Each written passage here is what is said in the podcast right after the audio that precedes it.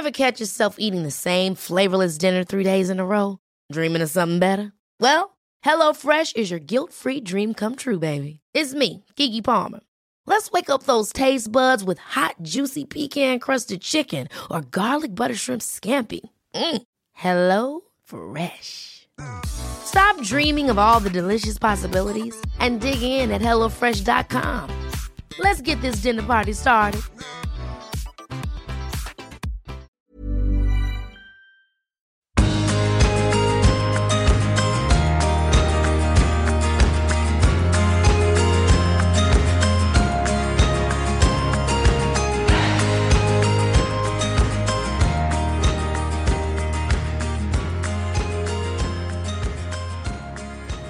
Da er vi inne i en ny episode av Du er unik-podden, og i dag så har jeg en gjest med meg. Og jeg måtte jo selvfølgelig google og stalke hun dama her, og det jeg finner mest om, da, det er at eh, hun er en toppleder.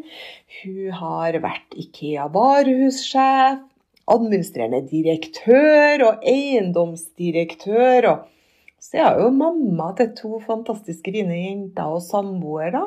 Men eh, nå skal vi finne ut litt mer om denne dama som sitter på andre sida av bordet. Så velkommen, Therese Bjørstad Karlsen. Vi må ha med de to siste. Tusen velkommen. Ja. Så hvem er du egentlig, da? Hvis en ikke leser alle de overskriftene og sånn, men hvem er du? Det er et godt spørsmål. Ehm, jeg er 52 år, da. Det må jeg nå si. Jeg er en utprega nysgjerrig person. Interessert i det meste. En verdensmester på å stille spørsmål for å finne ut av ting. Jeg er nok også en ganske åpen person. Snakker om det meste. Og så er jeg veldig ærlig. Og eh, med å være ærlig så legger jeg jo også mye tillit inn i andre mennesker. Og eh, byr på mye eh, av ærlighet sjøl, da. Og så er jeg en doer. Gjennomfører ting som jeg sier. Og så tror jeg nok kanskje noen vil oppfatte meg som litt streng, for jeg har nok litt sånn høye moralske prinsipper. Altså, det må være riktig og rett og sånn. og så er jeg nok en person som står i det. Og så står jeg i det over tid. Ehm, eh, det tror jeg beskriver meg litt sånn Ja. Håper jo også at eh, jeg oppleves som snill da, og varm. Ja. Eh, det ønsker jeg i hvert fall å være, da. Men det må noen andre ja. si om jeg faktisk er. Spør jentene. Ja, det... Hvor gamle er jentene dine? Du, hun yngste blir uh, 21, og så blir hun eldste 25 om noen dager. Ja. Voksne. Ja. Voksne. Fine jenter voksne, fine jenter som har flytta fra meg, som jeg sier. Ja. ja. ja. Det er en fase i livet, og, og det, det, med friheten vi får da når ungene flytter ut òg. Det er noe med det òg. Vi er jo i den alderen at vi har fått en annen frihet. Mm. Og, men hvis en skal tenke på Therese som eh, Det er noen som sier at du er den fødte leder, da. Hva vil du si? Var du det når du var lita? Var du en sånn leader in the gang, eller? Ja, jeg, jeg, tror faktisk jeg var det. Eh, for at eh, jeg har alltid vært litt sånn våken og nysgjerrig og alltid tatt initiativ. Eh, og da når du gjør det, så tror jeg det også blir en sånn som, som blir opplevd som, som, en leder, da. helt fra Jeg vokste opp på Malvik, på Hundamern.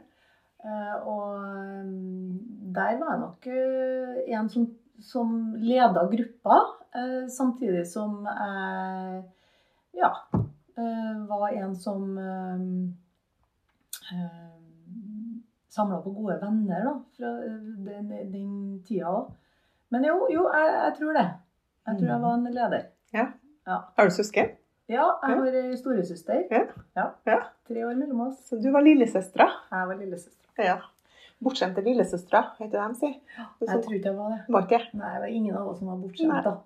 Bortskjemt på kjærlighet. For du har godt forhold til mamma og pappa, har jeg skjønt? Ja. Vi er en tett knytta familie. Ja. ja. Så mamma og pappa er fortsatt bor på Hundameren. De gjør det, ja. ja veldig har du barndomshjemmet ditt? Eh, Vi har barndomstomta. Ja. Ah. Huset ble revet Ja. eh, og bygd opp eh, nytt hus der på 80-tallet. Så de bor fortsatt der, så det er veldig godt å komme hjem. Da. Men jeg har aldri bodd i det huset selv. Men jeg har, eh, det- det er liksom godt å komme hjem til området. Da. Det er røttene dine. Mm. Og du og jentene bor Vi bor på Ranheim. mm, eh, på ikke langt unna, liksom. Nei, og jeg er nok på den sida av byen, liksom. Ja, Jeg kjenner at det er rett side av byen for meg, da. Ja. Like sjøen. Og så, når vi snakker om byen, da. Er du en sånn ordentlig sånn trønderpatriot? Sånn trondheimsjente? Ja, jeg er det. Jeg har eh, tatt et verdivalg jeg, i forhold til at jeg har lyst til å bo i, i Trondheim. Jeg hadde lyst til å oppdra ungene mine i, i Trondheim. Sånn at eh, det å flytte eh, fra Trondheim mens de var små, det gjorde jeg et lite noen regnestykke på. Hva er liksom mulighetene her? Så landa jeg på at det ville ikke jeg gjøre. Sånn at det var vel, det, Da begrensa jo ut, mulighetene seg lite grann. Ikke at eh, jeg har mista noe på det, men, men det gjorde at jeg fikk lov å bo i byen som jeg er så glad i. For jeg har bodd i utlandet i fem år. Sånn at jeg har bodd bort ifra, eh, bort ifra det. Så jeg du har prøvd det, du. Jeg prøvde det, ja. Så jeg har vel kanskje også fått lov å leve litt den, eh, akkurat det der. Ja. Men det er byen i hjertet. Det er byen i hjertet. Trondheim. At jeg reiste ifra deg. Ja. Jeg tror jeg spilte den sangen når jeg bodde Gjorde det? ja. Gjorde det. Jeg gjorde det. Ja. Det er jo, nå tror sikkert at alle som at det her er en sånn trønderspod, da, for det er, jo, det er jo trønderdamer. Men du bedre hvor mye spennende damer det er i byen her. Ja, det er det. Jeg kunne jo holdt på i mange år jeg, og samle dere spennende damer Ja. som bor i byen her. Du er spennende sjøl da. Ja, tusen takk. Ja, så du er en, en av oss eventuelt hvis du, hvis du skal samle, Tusen samle takk. sammen. Ja, og, og det med eh, verdivalg, sant. Eh, hva er verdiene? Og det er også å være, ha røtter, da. Mm. Og du sa jo at du bodde ut. Eh, hvor, hvor bodde du hen i fem år, da? Hvor, når du rev opp dere røttene lite grann, da? Og hvor, Mm. hvor, hvor gammel var du da? Da var jeg ferdig med mm, videregående. Okay. Og så var det jo sånn at eh, på den tida, da, i 88, så var det litt sånn at guttene dro i militæret et år. Og så dro vi jentene som opp her i utlandet. Ja, gjorde det? En eller annen plassen. Og så var det sånn at uh, faren min hadde noe slekt som bodde på Hawaii. Uh, og da tenkte jeg at uh, Og de hadde vært på en sånn jordomseiling, foreldrene mine, og truffet dem her. Og, sånn, og da var det snakk om at vi kunne komme dit, både jeg og søstera mi, eh, hver sin runde, da. Eh, og, og bo litt til dem, og, og jobbe som au pairer. Og da gjorde jeg, jeg tok den muligheten da, og, i 1988. Og så dro jeg til Hawaii. Og så var jeg au pair der i et år. Du var veldig uredd allerede da?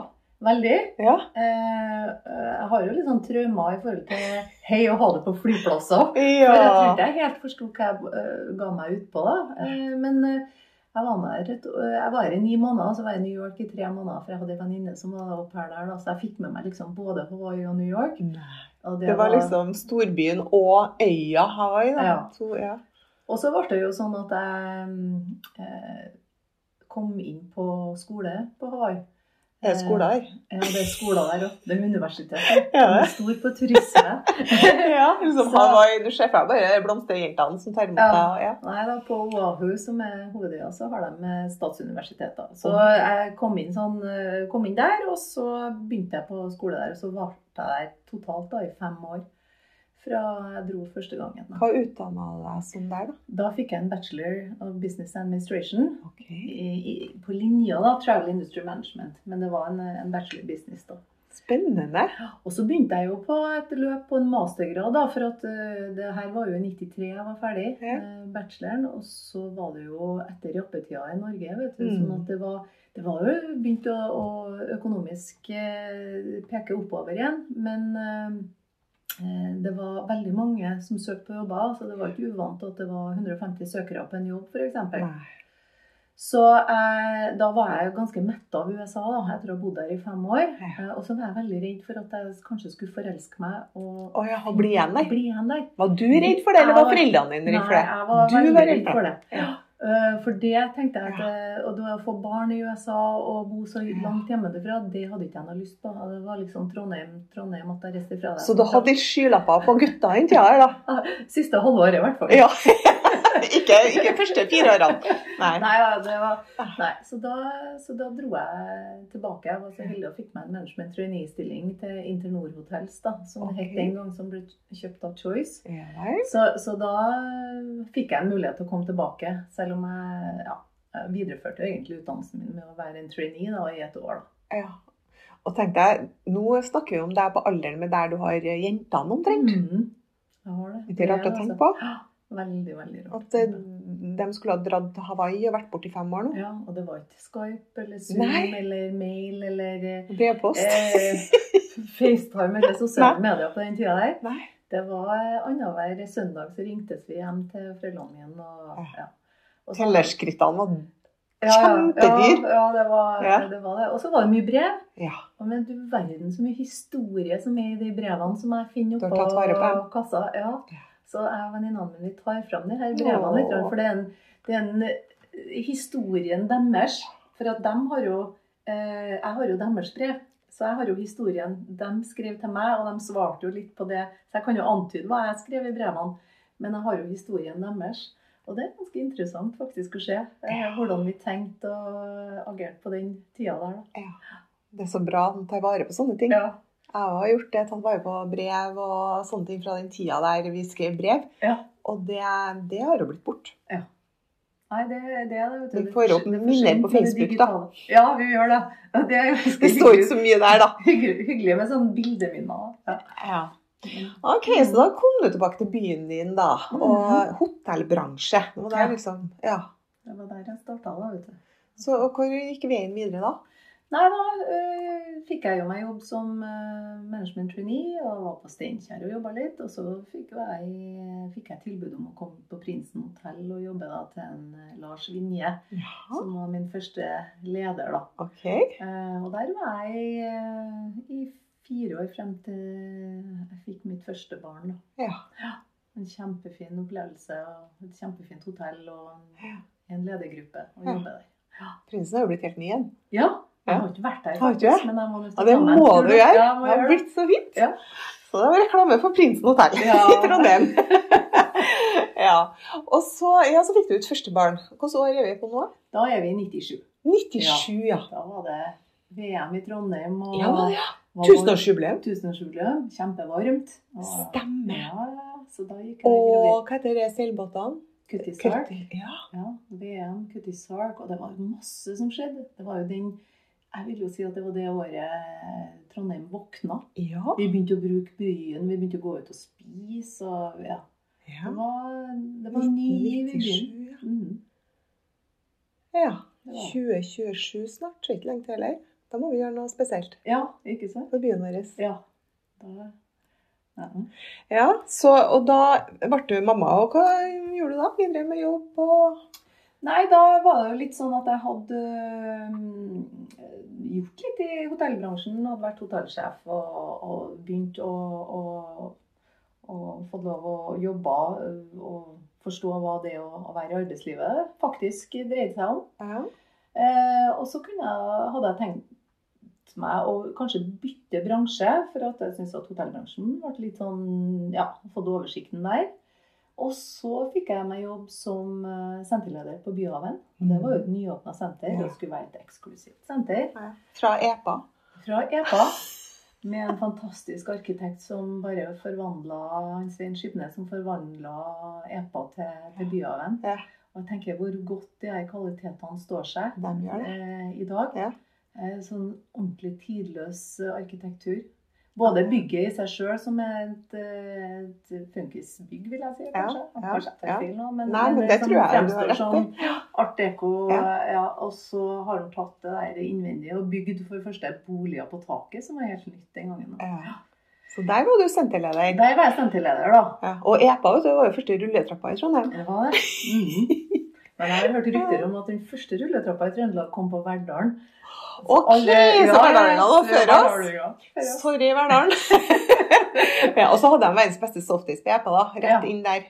Ja, rosa. Mm, jeg tror han eh, som driver restauranten oppi, eller kafeen oppe i tredje etasjen på Byhaven, har samme softismaskin. Har det? Ja, så den, den er jo få kjøpt, den òg. Oi, da må vi dit. Ja, må vi. Ja, så det er et godt tips da, for Ja. alle som savner softisen på Ja. Jeppa. Ja. Mm. ja, og senterleder, eh, det er jo spennende da. Og skal utvikle et helt nytt senter i Mm. Trondheim. Ja, det var, ganske, det var en ganske krevende øvelse og opplevelse som, eh, som ung eh, leder. Ja. Eh, så jeg varte ikke der så lenge, jeg var ett og et halvt år da. Og følte nok at jeg ikke kjente varehandelen så veldig godt. Og da var det litt sånn ah, hva, hva skal jeg gjøre nå? Ja. Eh, eh, og um, så hadde jeg jo hørt at Ikea søkte om byggetillatelse i Trondheim og streva lenge med å få byggetillatelse. Og så hadde vi en ordfører som het Anne Katrine Slundgaard den gangen. Som var, hadde sagt det at eh, hvis det var én ting hun i hvert fall skulle gjøre som ordfører, så var det å få eh, at. Ikea skulle få etablere seg i Trondheim. Og da tenkte jeg at eh, der har jeg lyst til å begynne å jobbe. Og jeg var veldig sånn Uansett hva jeg kunne jobbe med der, om jeg så skulle prise varer, sa Så jeg dit. han som var samboer, da. Ja. Eh, Så skulle, jeg, så skulle jeg få meg jobb der. De priser jo ikke varer. eh, Så Nei. det er greit, da. Og det er så mye varer som jo ut, veldig- det også, du. Veldig bra. Ja, ja, ja. Det, jeg ville bare lære meg varehandelen, og ville lære det fra de beste. da. Ja. Så jeg heldig, jeg var jeg heldig og, og sendte inn en åpen søknad og så sa jeg har lyst til å begynne å jobbe for dere. De syntes at den var såpass interessant at de tok meg inn på intervju. og De var vel akkurat i startgropa, da, så jeg traff riktig. Jeg hadde blitt flaks, da. Ja, ja. Rett tid og rett sted. Ja, det- ja. ja. Så da kom jeg inn på intervju og ble ansatt som assisterende varehussjef. Sammen med han som skulle være prosjektleder, og da altså varehussjef. Og da hadde de ikke satt spaden i jorda, eller? Nei, de hadde faktisk ikke det. De kom veldig tidlig inn. da. kom tidlig inn, veldig tidlig, men det var rett etter det. De eh, la ned grunnsteinen. Ja. Som, som de gjør, da. Som, sånn seremonielt. For eh, til damene som hører på oss her nå, som For det, du har jo liksom hoppa i noen andre jobber. altså Det her som jeg innleda med, administrerende direktør liksom, og varehussjef og alle de store titlene dine. Alle begynner jo en plass. Ja. Det er jo ikke sånn at eh, du blir administrerende direktør rett ut av skolen. Det Nei. tror jeg ikke skjer. Men, eh, så, så det at, og det at du også har prøvd flere bransjer, og det er lov, det. Mm. Å teste ut og finne ut litt og ta med seg lærdommen, da. ja. Jeg ser på det som et tog. Ja. Så toget går, og du kan gå på ei vogn. Ja. Så kan du gå av, og så kan du gå på en annen vogn, eller du kan gå av, og så kan du gå på et nytt tog. Mm. Altså det der styrer du veldig sjøl mm. eh, i forhold til hva som er rett for deg. da. Og det er vel kanskje litt sånn jeg har tenkt, da. ja. Eh, og hun som var min, på en måte, min reservemor på Hawaii når jeg bodde der, da, som var gift med hun eh, søskenbarnet til faren min, hun sa alltid det her til meg. Therese, alltid, alltid bare eh, vite at det kommer alltid et nytt tog. Mm. Eh, ikke vær redd. Eh, og det var litt sånn fint å høre. Mm. Mm. Og det med når du da fikk den jobben der, og eh, jeg vet at du er veldig opptatt av team og teambygging og sånn. Det er vel en av styrkene dine nå, ikke det? Det der at du leder et team fra midten, har du jo uttalt i et intervju. Det syns jeg var så bra sagt. Du er en del av dem. Mm. Du er liksom ikke den derre sjefen Mm. som bestemmer hva de andre skal gjøre, på en måte. Jeg vet ikke, Kan jo si litt om det? Hva er, hva er du? Hvilken ledertype er du? Ja, altså litt sånn Lederfilosofien min er i hvert fall det at jeg mm, tenker at du kan enten lede fra front, eller du kan lede fra bak og liksom skyve menneskene foran, eller du kan lede fra midten. da. Eh, Og jeg ønsker i hvert fall å lede mest mulig fra midten Mm. og stå sammen med menneskene. For at når jeg leda IKEA, så ble det jo veldig mye oppmerksomhet på meg. Mm. Men jeg visste jo at det her var jo ikke noe sånn woman-show i det hele tatt. Det her var jo en, en gruppeøvelse så det holdt. Mm. Og ikke bare fra oss som var i Trondheim, men med et stort nettverk i Norge, men også globalt. ikke sant? Sånn at, sånn eh, det var et, et så sterkt konsept. Men vi skulle nå etablere oss i Trondheim, og det var vi som skulle etablere oss i Trondheim når vi skulle være her for eh, trønderne. da. Ja. Eh, og, og da må du være en del av gruppa. Mm. Men jeg har heller ikke noe problem med å, å gå i front Nei. og dra. Ja. eh, og noen ganger må du gjøre det, Ja. eh, og det er forventa av deg. Mm. Men heldigvis så hadde IKEA en såpass flat struktur da, Mm. at det tillot deg å, å, å lede Ja. på det viset. Ja. Og det syns jeg var veldig fint. Og og passa meg bra. Mm. Det, det var jo første lederrollen din i et stort konsern Mm, med så mye folk. absolutt. Ja. Hvordan opplevde du deg sjøl? Du var jo så ung. Ja, jeg var bare noen og 30 år, vet Ja. du. Eh, Og det at Ikea torde å satse på meg mm den gangen, mm som så ung leder, Mm. gir gi meg den tilliten, Mm. Det gjorde de jo også for at de vet at jeg har et sterkt konsept og system rundt meg. Mm. Men det at de torde å, å Ja. gi den uh, muligheten, var Ja, det var Det, det satt godt i magen, altså. Ja. Men, eh, men det var, ja, var veldig fint. Uh, og så var det jo det å komme seg opp i, i salen og, og levere på de forventningene Ja. som, som lå der. da. Ja. Men det, du vet at det å, å åpne et varehus i et nytt marked, det er jo noe som de sier i IKEA, det er, liksom, det er veldig stort å få være med på. Mm. Jeg fikk jo være med på det med en gang. Jeg hadde jo ikke jobba i mange år i IKEA og liksom fikk være med på det. Ja. Jeg hoppa jo liksom rett inn, da. Ja. Men de ville veldig gjerne ha en lokal leder på et lokalt varehus. da.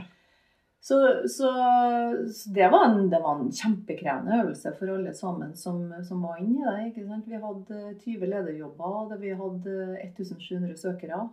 Vi hadde 200 medarbeiderstillinger, og vi hadde 8000 søkere på dem. Så bare, bare, bare ansettelsesprosessen der var jo en kjempelærerik eh, prosess. da. Det er derfor at du gjør det du gjør i dag nå. For at du har så mye erfaring på det. Ja, jeg må si det. Altså, at jeg, Hvis vi skal spole frem litt, Ja. for at du har jo eh, altså, Vi skal ikke bruke så mye å dvele med, men det ble 15 år i IKEA. Ja. Og så hoppa du til Og så hoppa jeg eh, Da hadde jeg lyst til å lære meg noe nytt, da. Og så hadde ikke jeg lyst til å flytte fra Trondheim. Nei. Og da hadde jeg liksom også jobba som sånn intern konsulent med kvalitetssikring av konseptet. Og reist både på Europa og i verden. Og reist veldig mye. Ja. Eh, og hadde jo to unger som var i tenårene, sånn at for meg så var det liksom greit med tid på Gardermoen og i fly og på flytog. Ja. Eh, og så hadde jeg veldig lyst til å lære meg en ny bransje. Ja. Og da hadde jeg alltid syntes at eiendom var spennende. Da tenkte jeg at eh, når jeg så det var utlyst en stilling som eh, eiendomsdirektør i Coop Midt-Norge, så søkte jeg på den og fikk muligheten. Ja. Eh, og da går du inn med masse ledererfaring og mye konsepterfaring, men ingen Ikke eiendomserfaring. noe da. eiendomserfaring, nei. Men så trodde de på at jeg hadde eh, viljen Ja. eh, og evnen. Og du er så nysgjerrig. Ja, Og du stiller så mye spørsmål. ja, eh, og, og de lot meg gjøre det. Ja. Eh, samtidig som det krevde jo mye av meg òg. Mm. Eh, mye kontrakter og sånne ting som jeg ikke hadde vært inne i før. Ja. Da var det bare å komme seg på morgenen og sette seg og lese kontrakter fra seks om morgenen til åtte før folk kom på jobb, sånn at du hadde friskt hode og, og ro rundt deg. Så utrolig hvor lik de her kontraktene er over tida. Så det handler bare om å dra ut det her som er forskjell, forskjellene. Møter du alltid forberedt? ja, jeg tror kraften ligger i det å møte forberedt, da. Ja. Eh, og, men også være ærlig på det du ikke kan. Og si at nei, det her, her må jeg nødt til å lese meg på. Mm. Eller. Altså, jeg har veldig lite prestisje i å, å Og, si hva jeg ikke kan. og det er så bra at du sier, for det er så mye damer som vi er sånn flink pikke. Og så er vi livredde hvis vi kommer på tynn is, da, der vi kanskje ikke er så gode. Og så, ja, men Enn hvis de spør om det, og enn om jeg ikke kan svare? Hva sier du da? Nei, det må jeg undersøke det. Ja. Det er, eh, altså, Er det nei, ærlig, det? Ja, ja, det er herlig. det. Og eh, liksom ikke ha den chipen på skuldra om at jeg må nødt til å prestere og kan Ja. alt sammen. For det er ingen av oss som kan alt sammen. vet du. Nei. Og så tror jeg folk liker det. Ja. At eh, vi Nei, men vet du, det vet ikke jeg noe for det er noen som tror at du er superwoman, vet du. Mm. Men det står ikke noe S på T-skjorta di heller, liksom. Nei, nei, Du, vet, du, du har dine styrker, og så har du dine svake Mm. sider. Ja, Mm. det er bra. Ja. Ja, og så eiendom og tjo og hei. Fem og et halvt år. Fem og et halvt år der. eh, Så tenkte jeg at eh, det eneste, det eneste gangen jeg egentlig tenkte på CV-en min, liksom, hva er det jeg mangler av erfaring? Jo, jeg mangler eh, administrerende eh, direktørerfaring. Så tenkte jeg Det er en kul tittel. Ja, er- Administrerende ja, direktør. Ja, eh, tittelen var ikke så viktig, men ansvaret som ligger i det Ja. å være totalt ansvarlig Ja. for noe, det har Det hadde du lyst til å gjøre. Ja, for jeg har jo sittet i veldig mange styrer Ja. eh, oppunder og hatt opp, underveis, og så har jeg hatt eh, mange eh, daglige ledere og administrerende som har rapportert til styret. Ja. Eh, men det å sitte i den stolen sjøl, det tror jeg er en nyttig øvelse. Så da tenkte jeg at da har jeg lyst til å gjøre det. Og så tenkte jeg da tar jeg med meg ledererfaringa mi, og så søkte jeg på jobb eh, i lastebilbransjen. Eh, Ja, for det visste jo du mye om. Nei, Men så tenkte jeg det at Du eh, er så uredd. ja, Du bare hopper, det. Ja, så tenkte jeg at da kan jeg prøve å se om det er noe som faktisk kan, jeg kan utrette en forskjell der. Da. Så står jo den bransjen overfor et paradigmeskifte i forhold til det å eh, gå fra diesel og dieseldrivlinja over på elektrifisering. ikke sant? Ja, og den ligger ganske nært i tid i forhold til at det har vært 90 år med diesel. Og så over i ganske få år nå, da, i et femårsperspektiv, så er det store krav til denne bransjen. Så tenkte jeg at det kunne ha vært eh, Det å være med på, liksom. Men for å gjøre en lang historie kort der, da, så ble det bare sju måneder. Så fant jeg ut at uh, min endringsvilje og mine verdier sto ikke helt i tråd med det selskapet. Så da ble jeg enig om å fratre stillingen min. Da, da tenkte jeg Det var feil, ja. Ja, det ble feil. Men hvor herlig, da. Du fikk sju måneder som administrerende direktør. Du, det var jo det du ville, egentlig. Du ville bare kjenne hvordan det var å sitte i en stol. ja, ja, ja. Men jeg Ja. Eh, så, men, og så fikk jeg tatt lastebillappen. Gjorde du? Ja, jeg gjorde. Jeg det, det er noe av det vanskeligste jeg har gjort. Altså. Så kudos til alle lastebil- og trailersjåfører ute der. Ja. eh, Og alle som også jobber i den bransjen der. Det er håndverk. Ja. Eh, fantastiske jenter og gutter på gulvet som, som, som skrur hver eneste dag. Eh, og, øh, og til også dem som kjører langs veien og som flytter godset. Sånn at jeg og du kan kjøpe oss fine sånne Jo, kjoler og, kommer med containerne nå. Ja. og sånne ting. Ja, vi er helt avhengige av dem. Jeg tror, få tror ikke vi egentlig vet alt som ligger bak at Nei. vi kan gå på butikken. Nei. Jeg jobba i spedisjonsbransjen. Ja. så jeg satt og fortolla varer og tok imot uh, på spedisjon. Ja. Og det For et liv Ja. de lever. Så ja, Ja. kred. Og det er kred til dem, Ja. altså. Det vi trenger de Ja. menneskene der. Og de er Det er jo sånn fun fact om deg, da. At du har eh, C-lappen, ja. Det tror jeg mange som ikke vet om det. Kan alltids ta meg en tur på Europa hvis det Ikke sant? Det var sånn som når som Siffi. Syd ble bygd, så jobba jeg i spedisjon. Og så ringer en ung trailersjåfør da, som hadde en sånn semitrailer som skulle rygge seg inn til en rampe på City Syd og, og losse. Og så ringer han til meg som sitter på kontoret og sier «Eh, Bantesen, eh, det går ikke an å komme til her og rygge, jeg må rygge så langt inn og sånn. Og da hadde jeg så lyst til å si lite øyeblikk så skal jeg komme, og så skal jeg rigge på plass den bilen til. Men jeg hadde jo ikke den C-lappen da. Men eh, kult, Kult. Ja. kult, kult, kult. Ja. Ok, og så er vi i dag da. Mm. Her vi sitter nå. Ja. Hva er det du har starta opp? Jeg skjønner jo at det er noe du brenner veldig for. Vet du, For eh, kanskje fem-seks år siden så gikk jeg på noe sånn uh, NLP-trening. Ja. Neurolinguistic programming. Ah. Altså det er en coachingtrening. Ja. Eh, og den gangen så skulle vi sette oss noen mål. Eh, og eh, jeg skrev de her målene på en stor stein som jeg plukka i hundammerfjæra. ja. Uh, og så skrev jeg ut alle målene mine.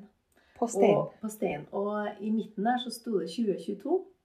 Og så sto det en, eh, en strek ut der. Og da skal jeg realisere AS-et mitt. Altså jeg stifta et AS for åtte år siden. eh, Men det har ligget på en måte veldig stille, eh, det selskapet.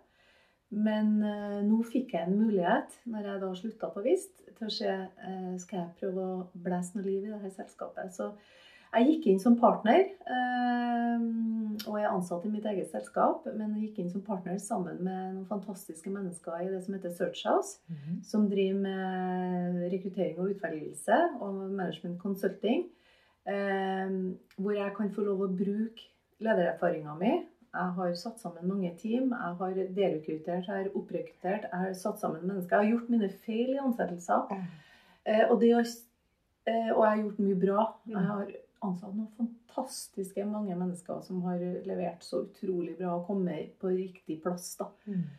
Eh, sånn at det å kunne bruke den erfaringa, samtidig som jeg er selvstendig i, i, i, rollen min, eh, og jobber sammen med flotte mennesker, det var litt sånn eh, Nå har jeg muligheten til å faktisk gjøre det. Men det handler litt om å være uredd, eh, slippe taket i det kjente. Eh, Å være fast ansatt en plass som på en måte Ja, for det har du vært hele livet, liksom? Jeg har vært det, vet du. Ja. Så pensjon og forsikringer har vært ordna for meg. Nå må Ja. jeg liksom gå inn i denne her, og det er veldig hands on, men det er liksom hånda tilbake på rattet Ja. og være ansvarlig for seg sjøl, da. Ja. Så, og jeg er jo en utprega ansvarlig person. Altså, jeg syns jo det er riktig og viktig at vi tar ansvar for oss sjøl. Ja. Sånn at eh, det får jeg lov til nå, da. Men allikevel sammen med flotte folk, da. ja. Du er ikke helt alene, liksom. Så, så hvis no, noen trenger noen til firmaet sitt, og ansetter noen, Ja. så kan de bruke deg på det. Så da, Bare ta kontakt med deg. da bør de jo ringe meg. Ja. Eh, Absolutt. Ja. Med din erfaringa du har, må jo være fantastisk. Ja. Å få hjelp til å finne riktige personer til Ja. riktig jobb. Vi vet jo alle sammen at det å gjøre en feilansettelse, det Ja, er det er både kostbart, Mm. eh, og det er også krevende Mm. eh, sånn energimessig. Mm. Så, så Og det vondt for begge partene hvis det Ja. ikke går. Det er det, vet du. Ja. Og, og ofte så rekrutterer vi på feil premisser. Så det å ha en objektiv eh, tredjepart som sitter der Mm. og kan være med og sparre litt, Mm. ta vare på kandidatene. For Mm. når du søker jobb, så er det en ganske sårbar situasjon. ikke Ja, sant? Ja? Du er veldig åpen da. Ja, det er det. Og, Ja. og ta vare på den som sitter der og er i søkeprosess, men også på en måte ta vare på hva er det du egentlig ønsker denne personen her, da. Ja. Sånn at du ikke rekrutterer på feil premisser. Mm. Ja. Så det der har jeg veldig lyst til å lære meg veldig godt. Jeg kan det godt. Fra før på mange måter, men det å være Bli enda bedre på det. på det, enda, for det er et eget fagfelt, bli enda bedre på det, eh, er viktig da. Og vi eh, er jo mest på toppledere, mellomledere og fagspesialister. Sånn at det å rekruttere en toppleder, da, det, det krever noe annet enn kanskje å levere vikartjenester, f.eks. Mm. Så, men det er det segmentet jeg har lyst til å bli god på. Jeg, jeg føler når, når jeg sitter og hører på nå, hvis jeg skulle ha søkt en stilling og jeg har møtt deg, så har jeg følt meg trygg. Har du det? Ja, for så du inngir trygghet. Og så har jeg tenkt at hun ivaretar Ja. meg at det her blir rett. Mm. For at vi vet ikke at det er rett. Du har opplevd det at ja, etter bare noen måneder så var det ikke helt rett, liksom. Eh, og det å treffe i det der eh, Ja. Mm, Så det, det tror jeg du du passer veldig godt. Takk for at du sier det. Ja. Ja. Spennende. Men eh, vi, nå, nå har vi liksom dratt gjennom litt historikken i CV-en din og alt det der. Mm. Eh, altså nå sitter vi her i 2022, og eh, hva er forskjellen på det livet du lever i dag, og hvis du skal se 20 år tilbake, hvordan hadde du det da? Hvordan var livet ditt da, 20 år tilbake i tid? Mhm. Da var jeg 32 år, og eh, akkurat da så var jeg jo akkurat blitt alenemamma. For jeg opplevde jo noe som eh, ikke noen bør oppleve. Det var jo å miste eh, mannen min eh, og pappaen til jentene mine. Hun yngsta var bare sju uker den gangen. Og av Julie, hun eldste, hun var fire år. Og bli sittende igjen. Og det, da var jeg jo i mammapermisjon og hadde akkurat fått jobben på Ikea. Sånn at eh, Ja. Hormonell er du. Eh, Ambisiøs på, på, på egne vegne. Eh, og så kommer du opp i en situasjon hvor det på en måte er en, eh, ja, en atombombe som går av i, i livet ditt. da. Hvor på sekunder eh, livet blir snudd opp ned. Så det er jo en lang historie, det her, men jeg kan jo bare liksom kort si at han, han var jo på mm, firmatur sammen med jobben sin eh, oppe i Åren og var på slalåm. Og skulle ta siste turen eh, på dagen Mm. sammen med to kollegaer. Eh, fikk en rotasjon oppe i bakken som hadde dårlig føre, isvuller og ja, lite snø. Og landa på ryggen. Det var gangen vi ikke brukte ryggskinne eller Mm. hjelm. Mm. eh, Og døde eh, oppi bakken der, da. Mens jeg satt hjemme eh, og ikke hadde vært med på turen pga. at eh, det var litt sykdom i, Du var hjemme og i pass- heimen. Det var- Ja, Passa ja. på ungene deres. Og det, vet du. Ja. Så, Fikk du en telefon, eller var det noen som kom på døra til deg? Hva skjer? Hva skjer?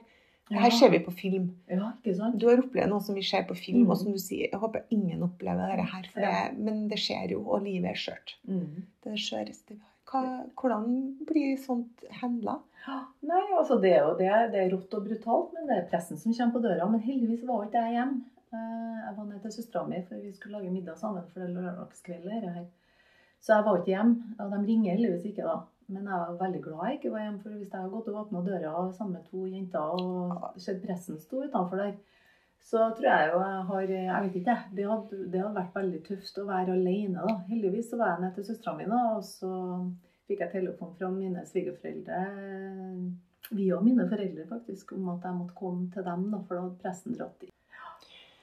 Og, og det her skjer jo, eh, som du sier, som en atombombe som bare slippes. Så du hva, Hvordan Hva kan en lære, hvis en kan lære noe av det her med at eh, livet snur på et sekund? Mm. Har du hva, Livet før og etter det her, liksom? Ja. Gjorde det noe med deg med tanke på det her å leve nå og ta enda mer sjanser og ja, leve fullt ut, liksom? Eller?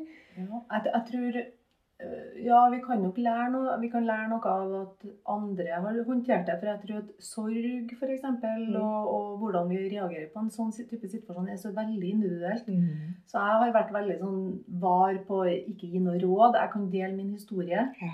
Men jeg har ikke noe lyst til at uh, jeg skal være en som på en måte Du må gjøre sånn og sånn og sånn, og sånn, for sånn gjorde jeg det. og sånn, Mm. Det virka for meg. Mm. Det trenger ikke å virke for noen andre. Nei.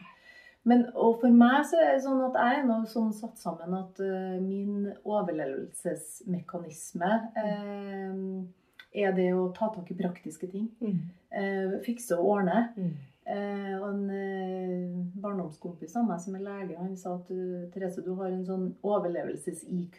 Mm. Jeg tror ikke jeg har noe sånn oversnittet høy IQ ellers, men jeg syns det er veldig ok å høre at jeg har en overlevelses-IQ som gjør at jeg raskt kommer meg på føttene. Mm. Det var aldri et alternativ for meg å legge meg, på, legge meg ned på sofaen og trekke teppet over hodet og, og forsvinne fra Nei. verden. Nei. Jeg syns det var veldig rart at bussene gikk dagen etter. Ja. Synes jeg. Er, er At livet verden gikk videre. ja, er livet ut der Går bussene i dag? Eh, Jon Martin er død. Eh, går bussene i dag? Eh, altså, Det der var et veldig rart konsept for meg. Helt til jeg skjønte at utenfor de her fire veggene her, så går jo livet som før. Eh, men, men det der å ta fatt i, eh, ta fatt i, eh, i livet sitt og ordne og fikse, der har jeg jo min absolutt styrke. Mm. Men jeg var òg veldig bevisst på at jeg hadde ikke noe lyst til å gjemme bort sorgen. da. Så jeg har snakka mye om det. Jeg har snakket, jeg har spilt denne filmen om hva som skjedde den dagen og dagene etter han døde. Mm. Veldig ofte. Mm. sånn at Jeg nesten spilt den opp. da. Ja. Jeg har slitt ut båndet. Ja, ja. Sånn at jeg slipper kanskje å liksom kjenne på det Det kommer jo over meg innimellom, og jeg blir veldig sånn eh, Da blir jeg veldig emosjonell. Ja.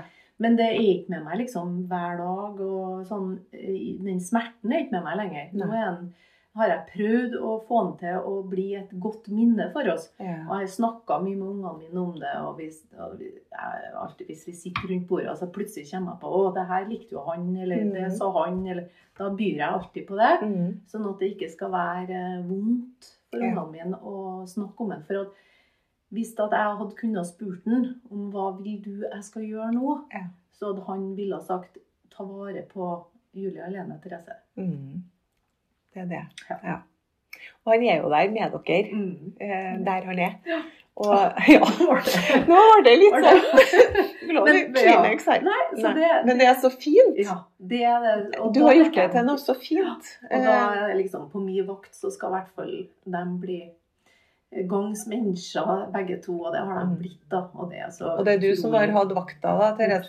Ja, det, Det er du som har vakta. vært Du har jo vært mamma og pappa da, til jentene dine, at de har jo ikke hatt den her pappaen i livet sitt. Hun eldste i fire år, liksom, andre Ja. bare noen uker. Mm. Så du har jo måttet ha vært den som har vært på vakt, da. Ja, Og det er veldig fint at du sier det. Når Mm. jeg er på vakt, Ja. så skal ingenting skje. Og Nei. da skal vi ha det bra. Da skal Mm. ting mm.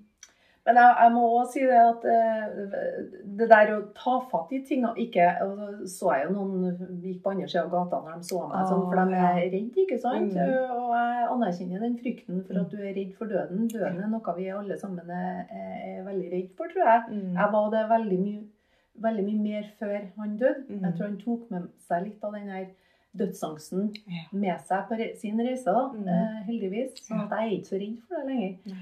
Eh, Men det jeg var redd for, var jo at ungene mine skulle vokse opp uten en far. Og da fikk jeg ett. Altså, jeg tror ikke det er noe du kan si feil til noen mennesker som har mista eh, noen. Nei. Så hvis jeg skal komme med noe råd nå Ja. Ja. eh, sånn, Ikke vær redd for at du skal si noe feil, men noen ganger så er det noen som sier noe som er mer rett enn annet. Som hjelper deg. Ja. Og jeg må bare si det, hun som var barnehagebestyrer på den barnehagen som ungene mine gikk på, Britt Monstad, eh, ære være den dama der. For når jeg sto i port porten der og skulle hente ungene eller levere, jeg husker ikke hva det var, jeg tror jeg hadde levert det, så kom hun mot meg og hun, 'Hvordan går det med deg, Therese?' sier hun. Mm. Jo, jeg prøver nå mitt beste å komme meg gjennom dagene, sier jeg. Så det, ja da, jeg prøver nå. Så sier hun, men du, senk skuldrene, altså. For vet du hva? Døtre av enslige mødre er de, de som klarer seg best av alle. Det har jeg sett, sånn.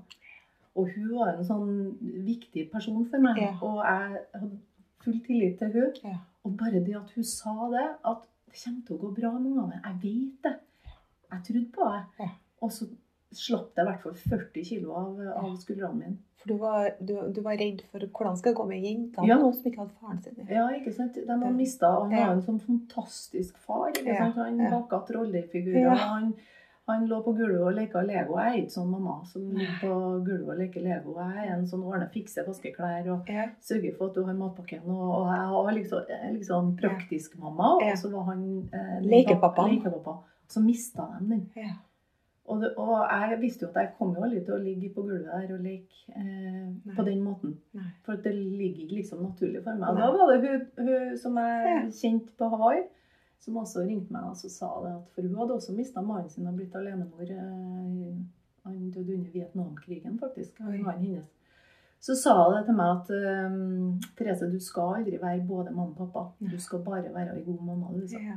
Og det er jo Og det å sånn- slappe litt. Ja. ja, det er liksom sånne, sånne så jeg, Du sier aldri noe feil til noen som har mista, ikke vær redd for det. Nei. Men det er noen som sier noe sånt som er ekstra bra, og det er viktig i en Mm. sånn situasjon. Da. Så trenger ikke noe å si det heller, men det handler bare om å være der og bry seg. Mm. Og vi mister jo folk ved samlivsbrudd. Det kan jo være også en sorg, det der å, å bli alenemamma med Mm. en skilsmissebrudd som ikke du vil, og sånn.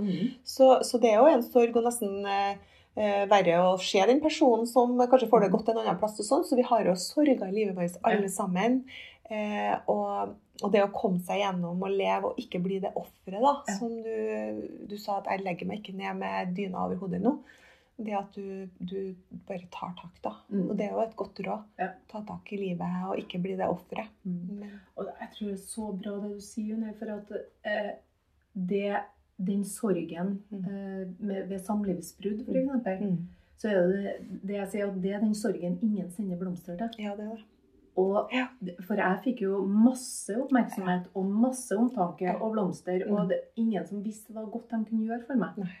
Men når du går gjennom et samlivsbrudd, så er det den, akkurat den samme Det sorgen. Ja. Eh, og, og, og det tror jeg er viktig at vi, vi Mm. husker på. Altså. Det der å komme med en blomster til noen som, eh, som har valgt å, Om Mm. du har valgt det sjøl, Ja, det er det like ille begge deler. Det er Ja. like ille begge Mm. deler. Ja. Nei, men det er en oppfordring til oss alle. Ja. At vi må huske på. ja, Mm. tror jeg er, så viktig. Mm. Åh, nå ble vi veldig djupe her. Og, og nå sitter vi her, du er 52, jeg blir nå 58 hvert øyeblikk. Og, og så har jeg jo i poden min snakka om disse 1486 ukene jeg har igjen, da. Ja.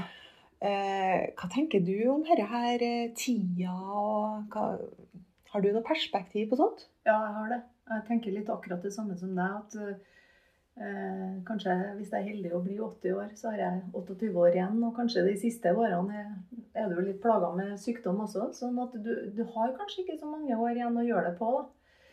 Eh, men jeg er, jo, jeg er jo kommet dit at jeg nå skal jeg ut og på en måte starte for meg sjøl, eller starte sammen i search, Ikke for meg sjøl, men skal begynne på noe nytt, da. Mm. Eh, og har lyst til å virkelig legge alt jeg kan, og hele meg, for jeg legger jo meg, hele meg inn i en sånn type rolle. Eh, og, og bli enda mer selvstendig i, i den rollen, og dyktig på det jeg gjør. Eh, og så har jeg jo to flotte barn som jeg har lyst til å fortsatt følge opp. Og kanskje om eh, fem-ti år så er jeg bestemor og får lov å, å oppleve det. Eh, Holde meg frisk. Mm. Eh, Gjør det jeg kan for å, for å ha helsa så lenge jeg kan. Mm. Eh, og så har jeg lyst til å ta på meg enda mer, flere verv. Styreverv eller andre typer verv som gir mening i livet. Mm. Mer opptatt av at det må gi eh, innhold. Det har jeg alltid vært eh, opptatt av, men fremdeles ha verv og arbeidsoppgaver som, som gir eh, innhold. Som 20 år da, så sitter bestemora i masse styrer som hun syns er artig. da. Ja, gjerne. Ja. Hvis jeg er så heldig å få Ja. lov å, å, å bidra Ja. fremdeles når jeg er, er blitt en enda mer moden dame, det hadde vært eh, veldig, veldig bra. Mm. Hvordan er det? Hvordan blir en styremedlem Therese, for oss damer? Det, vi trengs jo i styrer og stell rundt omkring. Hva er oppfordringa di der? Nei, For det første så tror jeg når damer blir spurt, så må de si ja. Mhm. Ikke vær redd for at du ikke kan alt, eller eh, ikke sant? For du sitter jo med et kollege. Mm. Eh, men du må også ikke være redd for å by på det du faktisk kan. Eh, Selv om du ikke kan alt, da. Eh, og så er det nok det at du bør ha eh, førstelinjeerfaring som leder. Mhm. Enten som mellomleder eller som toppleder. Mhm. Du må ha det. Sånn at det å også ta lederansvar, eh, sånn at du vet, kjenner på kroppen hvordan det er å kanskje rapportere til et styre, eller i hvert fall sitte i en ledergruppe som rapporterer til et styre, mm. tror jeg er viktig. Ja. Og så handler det om å si fra om at Mm. jeg har faktisk lyst til å sitte i et styre. Ja. Sånn Søk du- etter det hvis du har lyst til det. da. ja, sett deg sjøl. Snakk med valgkomiteer som eh, Eller, eh, ja. Ja. Si fra til næringsforeninger. Delta på sånne Ja, typer for du er aktiv i næringsforeninga i Trondheim, vet jeg. Ja, jeg har sittet i styret der. Og, og eh, fremdeles nå er jeg jo mer en sånn som er med på, på møter og sånn. Men, Ja. men gjør deg synlig, Ja. eh, tror jeg er viktig, da. Mm. For at eh, det er jo et privilegium å få lov å sitte i et styre. Mm. Eh, sånn at du, og du kommer ikke inn i et styre uten at du kan noen ting, eller kan bidra med noe. ting. Eh, så det er viktig, og det er viktig å være bevisst da, på hva er det du kan bidra med i et styre. Og så er det veldig lærerikt å sitte i et styre. Mm. Ja. Så um, det med fremtid og 20 år, Therese om 20 år, da, jeg ser det for meg. Du har sikkert slutta sånn så, ja, Jobber du da, tror du? 72 år, hva gjør du? For, Nei, du, du, altså- du elsker å være i Frankrike, gjør du ikke? Ja, altså det å reise det er fantastisk artig. Ikke bare i Frankrike. Nå eh, har jeg jo en, eh, en mulighet til å dra til Frankrike, for jeg er i en leilighet rett utenfor Nice, Ja. i Villefranche-sur-Mer. Ja. Jeg leier jo ut nå, det er veldig mange som kommer opp til meg og sier de, jeg har i senga di i Villefranche. Nei. ja, ikke når du var her. Nei, men- jeg har jo leiligheten din, og vi var en gjeng venninner. Og det, det er jo ikke noe det, det har vært en sånn utrolig positiv uh, sak, da. Hvor mange sengeplasser er det? her? Nei, seks, da. Ja. Fem-seks stykker. Så er det- venninnegjeng kan Ja, dra dit og Perfekt. ja. Og det der at jeg har greid å vært med på å bidra til å skape gode opplevelser for mennesker, det Ja. synes jeg er utrolig stas, altså. Så nå har jeg jo hatt den siden 2007, så jeg holder på å leie ut for 17. sesongen. Så, så det er veldig hyggelig, syns jeg, at Ja. det er mange som har hatt fine opplevelser her. Så bra. Og det er en For fin liten perle. For du er litt sånn som jeg, du òg. Du samler på mennesker. Har jeg Ja. inntrykk av. Jeg gjør det. Ja. Det- Hvor finner du folk hen, da? Og jeg finner dem overalt. Jeg, jeg, jeg finner dem i nettverk som jeg er en del av. Eh, og det å treffe på kjemi, kjemi, det er veldig bra. Eller eh, tidligere jobber som jeg har hatt. Men jeg har jo også med meg mine barndomsvenninner. Du har det. Eh, ja, fra når vi begynte i førsteklassen, liksom. Ja. Så, og jeg har tatt opp kontakten igjen med noen som vi var veldig tett, kanskje helt opp til 7. klassen, og så gikk vi hver våre veier. og så ser vi at det var ulike årsaker til det, og så kommer vi sammen igjen. Og jeg, ja, jeg, jeg syns det å det å ha med meg mennesker fra ulike faser i livet er veldig bra. Og om du er 34 år eller om du er 70 år, Mm. spiller ingen rolle. Men Jeg syns det der med det mennesket og du er, da øh, Mest jenter og damer, selvfølgelig, men, Mm. men øh, syns jo også det å ha gode kompiser er, er, er bra. Og vi er jo en gjeng fra Hundhammer'n som gikk på barne- og ungdomsskolen sammen. Vi møtes eh, stort sett en gang i året. Vi er elleve stykker.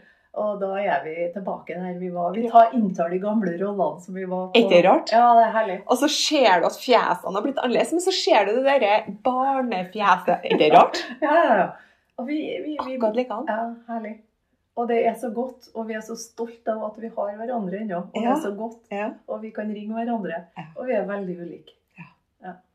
Og så vet vi nå i den alderen vi er, og, alt, og, og det du deler Tusen takk for at du deler. Det det som er veldig sårt òg.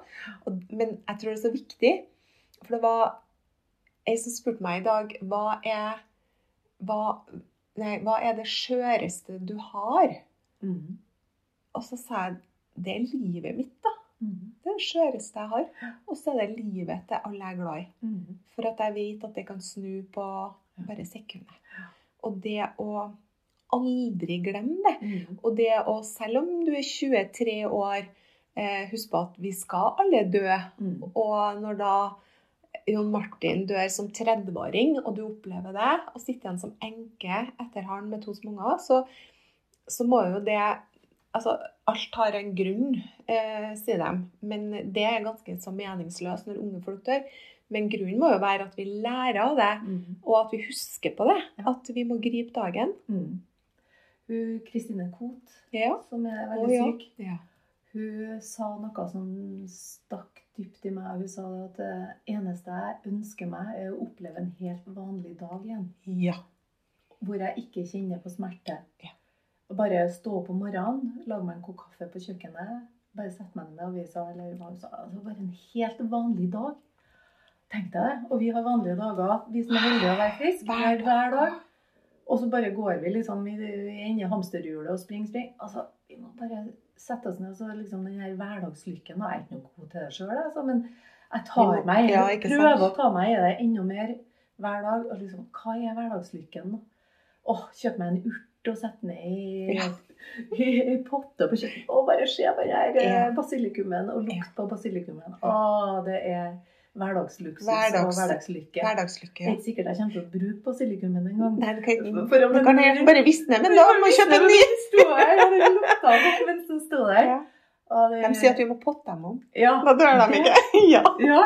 Og, det, Ja, ja, jeg. og, og, og hverdager, det er jo det vi har flest av, og så er det det vi tar som en selvfølge. ja. Så Mm. det er jo et godt budskap å ta vare på hverdagen vår Ja. og leve nå, Mm. og så gjøre hverdagen til en fest, da. Selv om vi ikke klarer hver dag. Nei, vi klarer Men, ikke vet du. og jeg har også vært veldig tett på ei som visste hun skulle dø. Hun døde som 32-åring, Lindis. Eh, Frank Angelvik, hvis han hører på oss nå.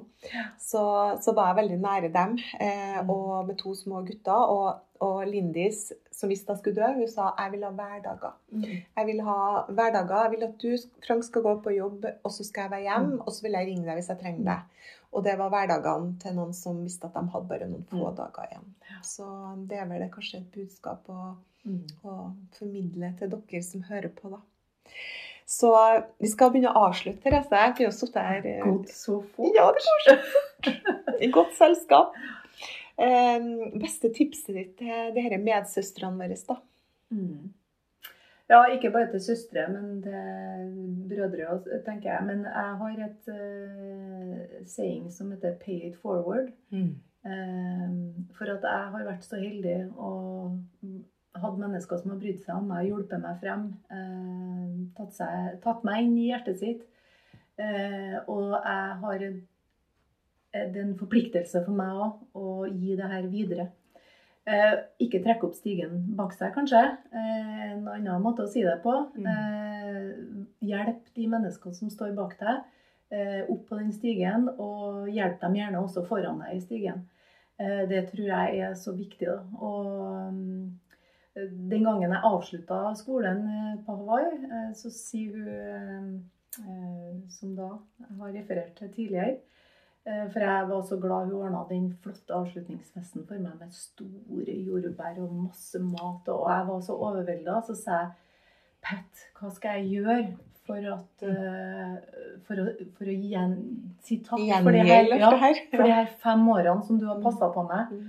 og gitt meg så mye omsorg og kjærlighet, og nå gir du meg den her store festen. Mm. Så sier jeg Therese, du skal ikke eh, gi meg noen ting nå. Du skal gi det her videre til noen andre. Og det har jeg prøvd å gjøre, da. Eh, Og det prøver jeg å gjøre hver eneste dag. Med å by på den kompetansen jeg har til dem som trenger det. Eller eh, være der for noen. Eller eh, ta til meg en utvekslingselev, som jeg på en måte var litt sånn sjøl. Og, og prøve liksom å hjelpe mennesker videre. Det, det tror jeg er mitt gode råd til alle. Så hvis vi kan hjelpe én eller to Mm. eller tre mennesker, så er det, utgjør det en forskjell For den. for den og den. Så får vi så godt sjøl. Åh, det er så veldig tilfredsstillende. OK. Tusen hjertelig takk. Det her ble, det ble vakkert, rett og slett. Åh, jeg òg synes det. Det Åh, det er så godt her å sitte her og Ja. snakke med deg, Unni. I like måte. Jeg er veldig glad for å bli bedre kjent med deg, Therese. Og du må aldri glemme at du er unik. Det skal ikke jeg gjøre. Du òg.